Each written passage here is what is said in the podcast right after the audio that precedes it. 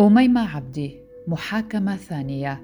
والحكم بالسجن لنصف عام إضافي بتهمة المساعدة في سبي فتاتين إزيديتين. أهلا بكم. هذه حلقة جديدة من بودكاست في عشرين دقيقة. معكم براء صليبي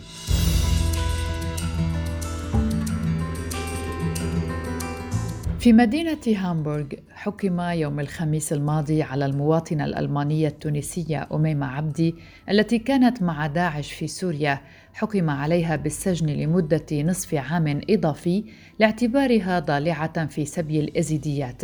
بالإضافة إلى السنوات الثلاثة ونصف التي تلقتها عبدي خلال محاكمة سابقة في العام 2020 اكتسبت قضية أميمة عبدي شهرة في نيسان إبريل عام 2019 بعد أن بثت مراسلة أخبار الآن جنان موسى تقريرا عن محتوى هاتف عبدي والذي حصلت عليه في وقت سابق.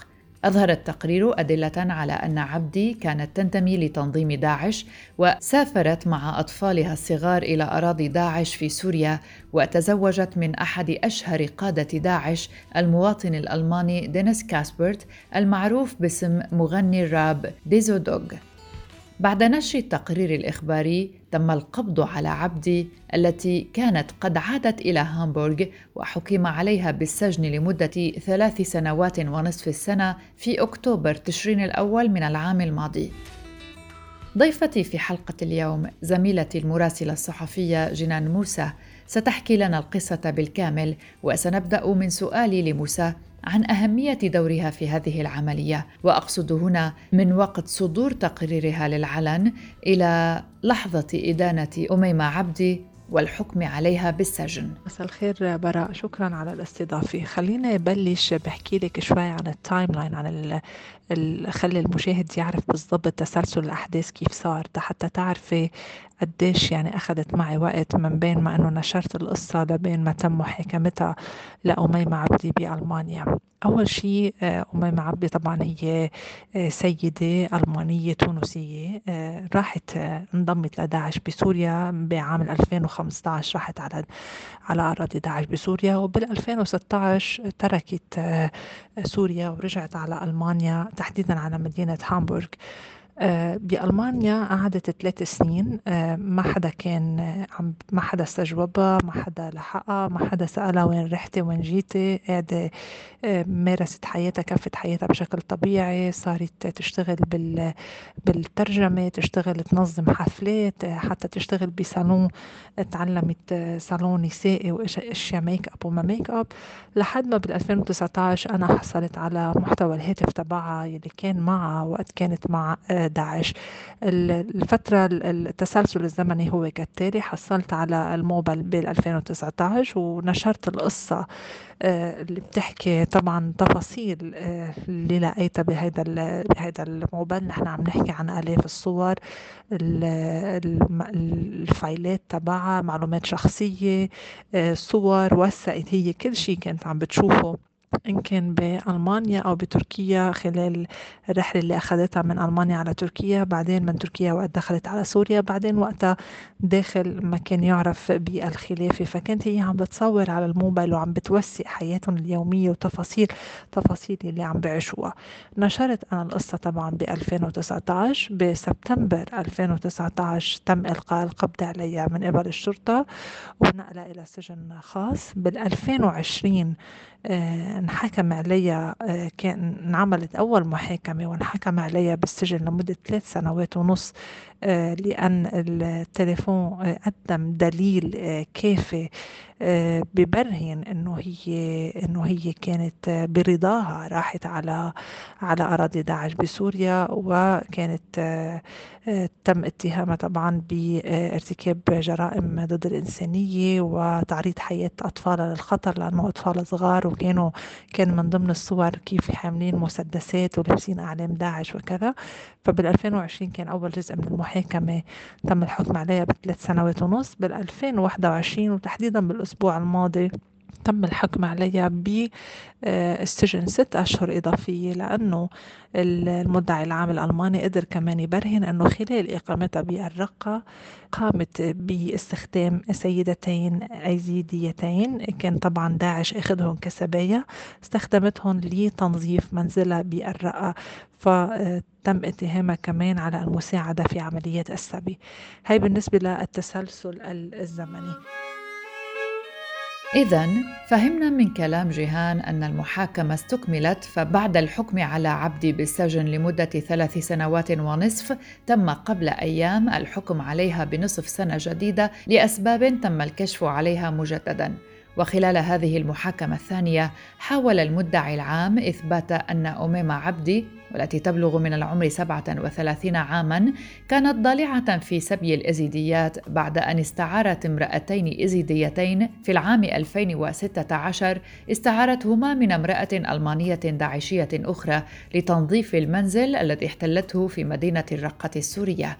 اعترفت عبدي خلال المحاكمة بأنها استخدمت سبايا أيزيديات خلال إقامتها في الرقة فيما اعتذرت للنساء الأيزيديات وقالت إنها تريد أن تنسى الماضي وتواصل حياتها بعد إطلاق سراحها من السجن.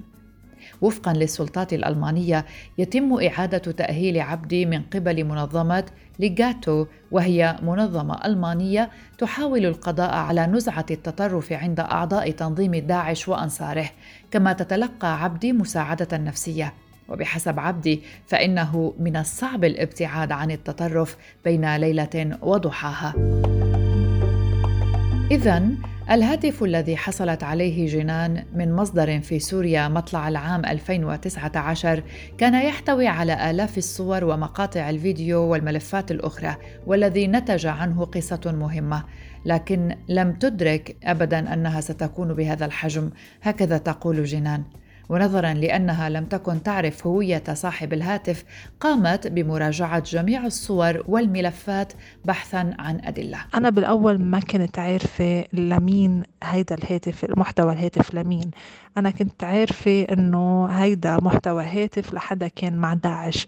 آه، ما كنت عارفة اسم أميمة عبدي ما كنت عارفة مين هي أميمة عبدي. طبعا من بعد ما أنا بلشت بلشت أعمل research وبلشت قارن الصور وأدرس المحتويات تبع الهاتف عرفت إنه بينتمي لسيدة اسمها أميمة عبدي. طبعا السؤال الثاني مين هي أميمة عبدي؟ وين موجودة أميمة عبدي؟ بين لي إنه هي عايشة على قيد الحياة. طب وين عايشة؟ بعدها بسوريا ولا رجعت على ألمانيا؟ طبعا سؤالي جر سؤال. لا رجعت على ألمانيا موجودة على هامبورغ. طيب روحي آه، ركبت بالطيارة ورحت من دبي على هامبورغ حتى أشوف إذا عن جد هيدي الإنسانة موجودة. وحتى كمان حاول أسألها بشكل شخصي عن عن خبرها إنه أنا آه، معي محتوى هاتفها وأسألها عن تجربتها بسوريا. ولكن طبعا هي رفضت الحديث لإلي. فلقيتها أكيد بهامبورغ ومن بعدها تم تم نشر القصة. عديد من الصور لامرأة واحدة. غالبا مع أطفال. التقطت هذه الصور في ألمانيا وتركيا وسوريا وتنوعت بين الصور العائلية. صور لأشخاص يحملون أسلحة والكثير من المواد الدعائية الخاصة بداعش والمستندات الشخصية أيضا. الهاتف يخص أميمة عبدي. وهي امرأة سلفية جهادية من هامبورغ بألمانيا ولدت عام 1984 وسافرت في العام 2015 إلى مناطق داعش في سوريا مع أطفالها الصغار. من سوريا حاولت إقناع نساء أخريات بالالتحاق بها معتبرة أن الحياة في ظل حكم داعش رائعة. في سوريا أيضا تزوجت من دينيس كاسبرت المعروف باسم ديزودوغ وهو أحد أكثر متطرفي داعش شهرة في ألمانيا. في محرك البحث جوجل بحثت جنان عن اسم أميمة عبدي وسرعان ما عثرت على حساب LinkedIn بنفس الاسم يحمل صورة لعبدي ولكن هذه المرة وهي بدون حجاب. وفقا لصفحتها عرفت عن نفسها على أنها مترجمة ومنظمة فعاليات تعيش في هامبورغ في ألمانيا. ولم يرد على حساب لينكد إن الخاص بها أي ذكر لماضيها مع داعش. لا شيء بخصوص انضمامها إلى التنظيم في سوريا. لا شيء عنها وعن أطفالها الصغار وهم يحملون السلاح ويلوحون بأعلام داعش في الرقة. ولا شيء عن زواجها من دينيس كاسبرت. ما أكد أن أميمة عبدي قد عادت بهدوء من أراضي داعش في سوريا وهي تستمتع بحياة طبيعية في ألمانيا كما لو أن شيئا لم يحدث. بعد بث تقرير جنان على قناة الآن سارعت مختلف وسائل الإعلام الألمانية بنشر القصة أيضا. واستغرب الكثيرون كيف يمكن لأرملة دينيس كاسبرت أن تعيش بشكل طبيعي بدون أي عواقب لمدة ثلاث سنوات تقريبا في هامبورغ وبعد التحاقها بتنظيم إرهابي. وكيف لا تملك السلطات أي دليل على أن أعضاء داعش يغادرون ألمانيا ويدخلون إليها بدون أي مشاكل؟ وهل هو مستغرب بعد هذا أن تحدث هجمات إرهابية في أوروبا؟ بعد أن أصبحت قصة عبدي علنية وذلك في نيسان أبريل 2019 ظهرت معلومات جديدة عنها واتضح أنها بعد أن غادرت أراضي داعش في سوريا توجهت إلى السفارة الألمانية في أنقرة. قالت هناك إنها كانت في سوريا لكنها تريد العودة إلى ألمانيا وتحتاج إلى وثائق سفر وقامت البعثة الألمانية بتلبية طلبها. هكذا عادت أميمة إلى ألمانيا بلا أي عوائق. هذا يعني أن السلطات الألمانية علمت في العام 2016 أن أميمة كانت مع داعش في سوريا وأنها عادت إلى هامبورغ، لكن يبدو أنهم لم يكترثوا لأمرها أو أنهم لم يكن لديهم أدلة كافية لتوجيه الاتهام إليها. تغير ذلك بعد نشر قصة جنان عن هاتف أميمة المفقود لأن آلاف الصور والمستندات من الهاتف شكلت أدلة دامغة لتوجيه الاتهام إليها. في سبتمبر أيلول 2019 ألقت الشرطة الألمانية القبض على عبدي ونقلت إلى سجن خاص. وأثناء محاكمتها استخدمت الصور التي وجدت على هاتفها كدليل وحكم عليها في نهاية المطاف في العام 2020 بالسجن لمدة ثلاث سنوات ونصف لانضمامها إلى منظمة إرهابية وارتكابها جرائم ضد الإنسانية. هذا العام وجهت إليها مرة أخرى تهم جديدة حيث وجدت السلطات الألمانية أدلة على أن أميمة عبدي استخدمت اثنتين من الأيزيديات السبايا لتنظيف منزلها في الرقة وحكم عليها الأسبوع الماضي بالسجن ستة أشهر إضافية بتهمة المشاركة في السبي. البنتين يلي هي آه اللي هي أخذتهم لتنظيف بيتها بالرقة الأيزيديات. كانوا موجودين آه بالمحاكمة بهامبورغ وفي آه سيدة منهم كمان حكيت لأن أميمة كانت عم تحكي خلال المحاكمة إنه هي بدها تحط هاي الفترة اللي كانت عايشة اللي كانت مع داعش بدها تحطها ورا ظهرها وخلص بدها تطلع لقدام وبدها تكفي حياتها وما بقى بدها تتذكر هيدا هيدي الفترة اللي عاشتها. ف فواحدة من الأيزيديات حكيت وقالت إنه نحن نحن ما فينا ننسى نحن تدمرنا أول شيء كطائفة وتدمرنا كبنات لأنه أيزيديات. يعني ما في عنا مجال إنه ننسى اللي قطعنا فيه لأنه اللي مرقنا فيه كان كتير صعب. فأنا سعيدة إنه هاي السيدة والسيدة التانية يعني قدروا قدروا ياخدوا ولو هيك شوي عدالة لأنه إذا بتفكري فيها ست أشهر بالنسبة للمساعدة بالسبي وثلاث سنوات ونص بالمحاكمة الأولى. يعني عم نحكي عن أربع سنين كلهم على بعض منهم كتار منهم كتار بالنسبة للأشياء اللي هي عملتهم. ولكن بضل أحسن من ولا شيء بضل أحسن أنه في كتير نساء عم بيرجعوا على أوروبا عم بيرجعوا على البلدان اللي هن فيها وعم بيقولوا نحن كنا بس زوجات قاعدين بالبيت ما شاركنا بشيء ما حملنا أسلحة ما إلنا علاقة ما إلنا دور أبدا أبدا أبدا. وال, وال, وال المحاكم آه، خاصة الأوروبية إذا ما كان في دليل صور إذا ما كان في دليل ملموس فيديوهات تسجيلات صوتية ما فيها تحاكم هدول النساء. فبالتالي آه، من هون كمان كان أهمية المادة الصحفية اللي قدمتها واللي على فكرة انعرضت كمان بقلب المحكمة وتم يعني استخدام هيدي المادة بجزء أساسي خلال المحاكمة لحتى لإصدار الحكم ضد الأميمة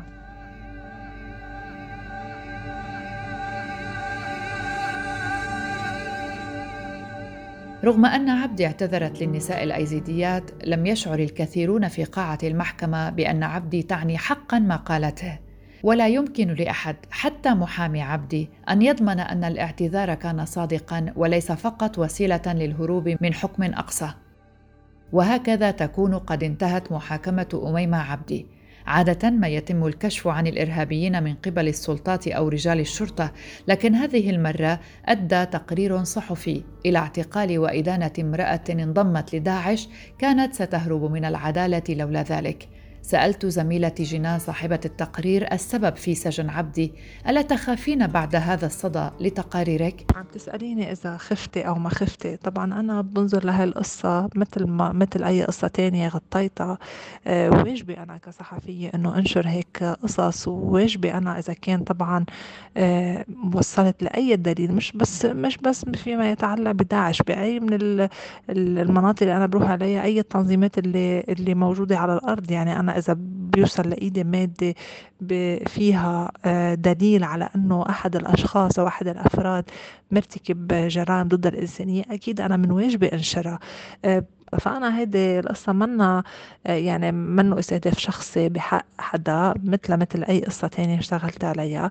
أكيد بخاف مش بس من هالقصة من كتير قصص أنا عملتهم خاصة وقتها بتكوني عم بتغطي آه، أشياء لها علاقة بتنظيمات إرهابية. وأنا كتبت هيدا بالمقال اللي نشرته امبارح. بتخافي لأنه أنا كصحفية ما عندي سلاحي إلا قلمي إلا الكاميرا تبعي إلا اللابتوب تبعي.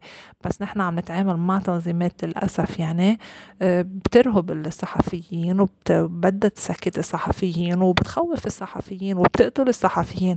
فهذا الشيء بخوفني أكيد ويعني آه، بس ما كان يعني ما خطر على بالي ابدا إنه ما أنشر القصة لأنه أنا خايفة. لا أنا اعتبرت إنه في مسؤولية علي لأنه وصلتني هيك مادة في مسؤولية علي إنه أكشف هيك قصة وخلي الرأي العام يعرف تفاصيلها. وكمان تنعرف إنه هي آه، ماضيها إنه كانت مع داعش لأنه آه، يعني ما بتعرفي شو شو الأشياء اللي كانت مشاركة فيها وقتها كانت مع داعش. وبالفعل يعني اتضح على انه كان لها دور بعملية سبي مساعدة على سبي الأيزيديات بعملية تعريض اولادها للخطر بعملية جرائم ضد الإنسانية. هي كلها أشياء كبيرة وهي كلها هي مشاركة فيها.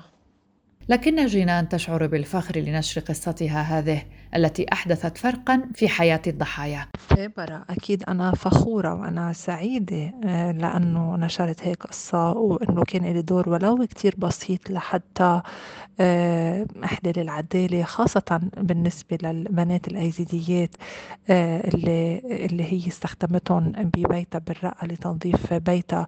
وأنا من خلال تخطيطي بسوريا وبالعراق التقيت كتير ببنات أيزيديات وكنت عم بسمع منهم بشكل مباشر. عن طريقة المعاملة اللي تعاملوا فيها وقتها كان وقتها كانوا آه، اخذينهم داعش سبايا إن كان بالنسبة للمعاملة الزوجات الدواعش كيف كانوا يغاروا منهم وكيف كانوا يعملوهم وكيف كانوا يضربوهم وكيف كانوا يشغلوهم بالبيت خدم. وكمان بالنسبة لمعاملة رجال الدواعش اللي كانوا يغتصبوهم واللي كانوا يعني يستخدموهم كأدوات جنسية. ف...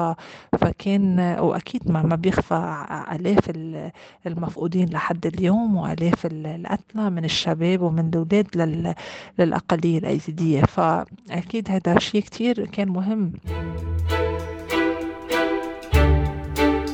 خلال المحاكمة كشفت كاتيا شونبرغ التي تعمل مع شرطة هامبورغ وحققت بدقة في قضية أميمة عبدي كشفت عن المزيد من التفاصيل حول الفترة التي قضتها عبدي في سوريا مع داعش. ووفقا لكاتيا كانت عبدي فخورة جدا بوجودها في سوريا مع داعش وإنجاب طفل من دينيس كاسبرت أحد أشهر قادة داعش الألمان. كما وأوضحت المتهمه في عدة مناسبات أنها استمتعت بوقتها مع داعش في سوريا. وقالت عبدي أنها قضت وقتا رائعا وليست نادمة البتة وقالت بأن كل شيء يحدث لسبب ما. وكان سبب مغادرة عبدي سوريا في نهاية المطاف والعودة للعيش في ألمانيا مرتبطا بزوجها دينيس كاسبرت. فقد نشب شجار بينهما لأن كاسبرت أخبرها أنه يريد أن يحصل على زوجة أخرى. غضبت عبدي وقالت إنها لن توافق على زواجه من امرأة ثانية. بعدها قامت عبدي بطرد كاسبرت من منزلهما في الرقة حيث كانا يعيشان مع طفلهما وأطفال أميمة الآخرين من زيجات سابقة. في النهاية غادرت عبدي إلى ألمانيا مع جميع الأطفال بينما قتل كاسبرت في غارة جوية في سوريا أو العراق.